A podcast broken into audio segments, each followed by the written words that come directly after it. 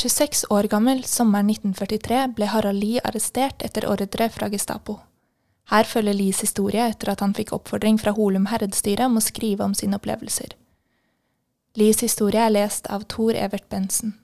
Jeg var 26 år da jeg ble arrestert etter ordre fra Gestapo.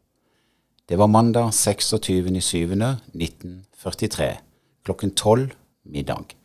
Lensmannsassistenten, en unggutt fra Søgne ved navn Røstad, kom for å kjøre meg til kretsfengselet i Kristiansand. Seinere ble jeg ført med tog til Grini. I Kristiansand var jeg på arkivet til avhøring fire til fem ganger. Trass i grove trusler og maktbruk fikk de ikke noe positivt ut av meg. Det var først da de fant gråsteinen som jeg hadde levert i staden for radioen, at jeg måtte vedgå at jeg hadde unnlatt å levere den. I siste avhøringa tok vi òg en tur hjem til Li for å finne den bortgjemte radio. Det var gestapisten Groman som hadde mi sak, og som var med hjem.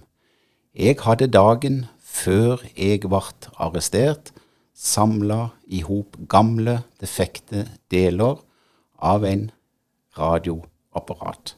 Knust dei og lagd dei delene under en stein i skogen for å kunne falle attende på dei dersom jeg måtte gå til tilståing.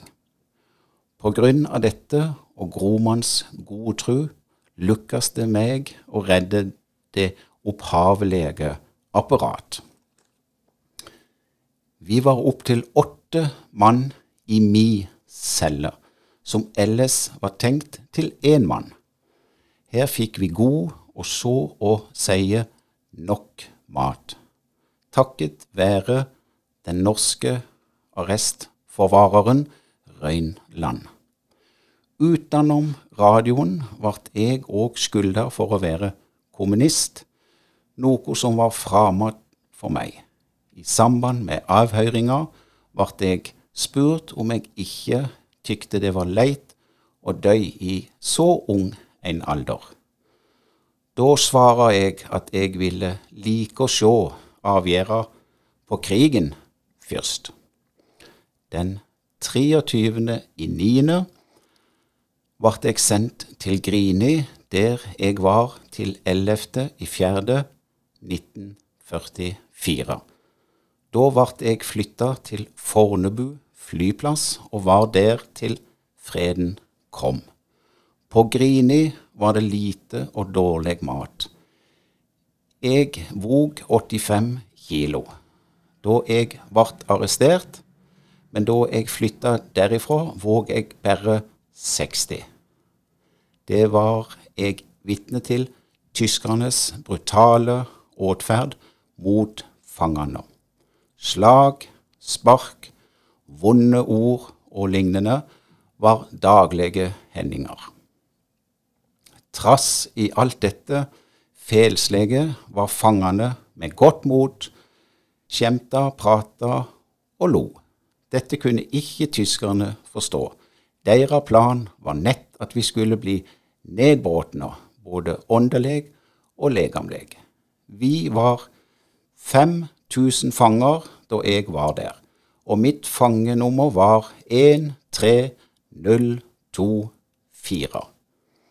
Det var en jernhard disiplin, og det minste gale ble straffa på det hardeste. Hadde en gjort noe gale, skulle, jeg, skulle alle sammen lide for det. Den mest vanlige måten å straffe synderen på, var å sende han i traven. Det var straffarbeid der alle måtte springe til, under og fra arbeidet. Fornebu, derimot, var en trivelig stad.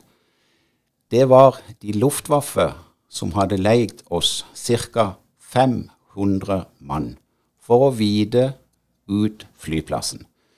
Vi var tolv stykker som ble tatt ut til, å, til et svært forefullt arbeid, bombetransportering.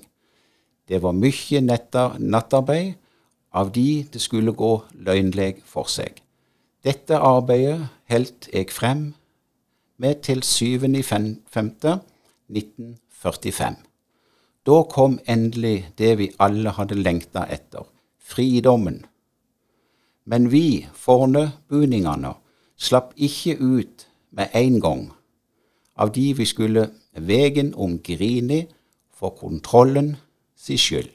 Før kapitulasjonen var ti av fangene tekne ut til Al-Hadde orden dersom der blei noe usemje mellom fangene. Av de vi hadde ti spioner mellom oss, ikke ens fanger. Jeg var så heppen at jeg var en av de ti ordningsmennene, og vi var de første som kom til Grini. Årsaka var at vi skulle sette inn spionene der da, for nå var deres time kommet. Etter nærere 22 måneder kunne jeg igjen ferdes ute som frimann. Den fremifrå gilde mottakinga i Oslo, på stasjonene nedover og i Mandal har jeg ennå i friskt minner. Alle stader vart vi helsa velkommen med hurrarop og overveldende jubel. Harald Lie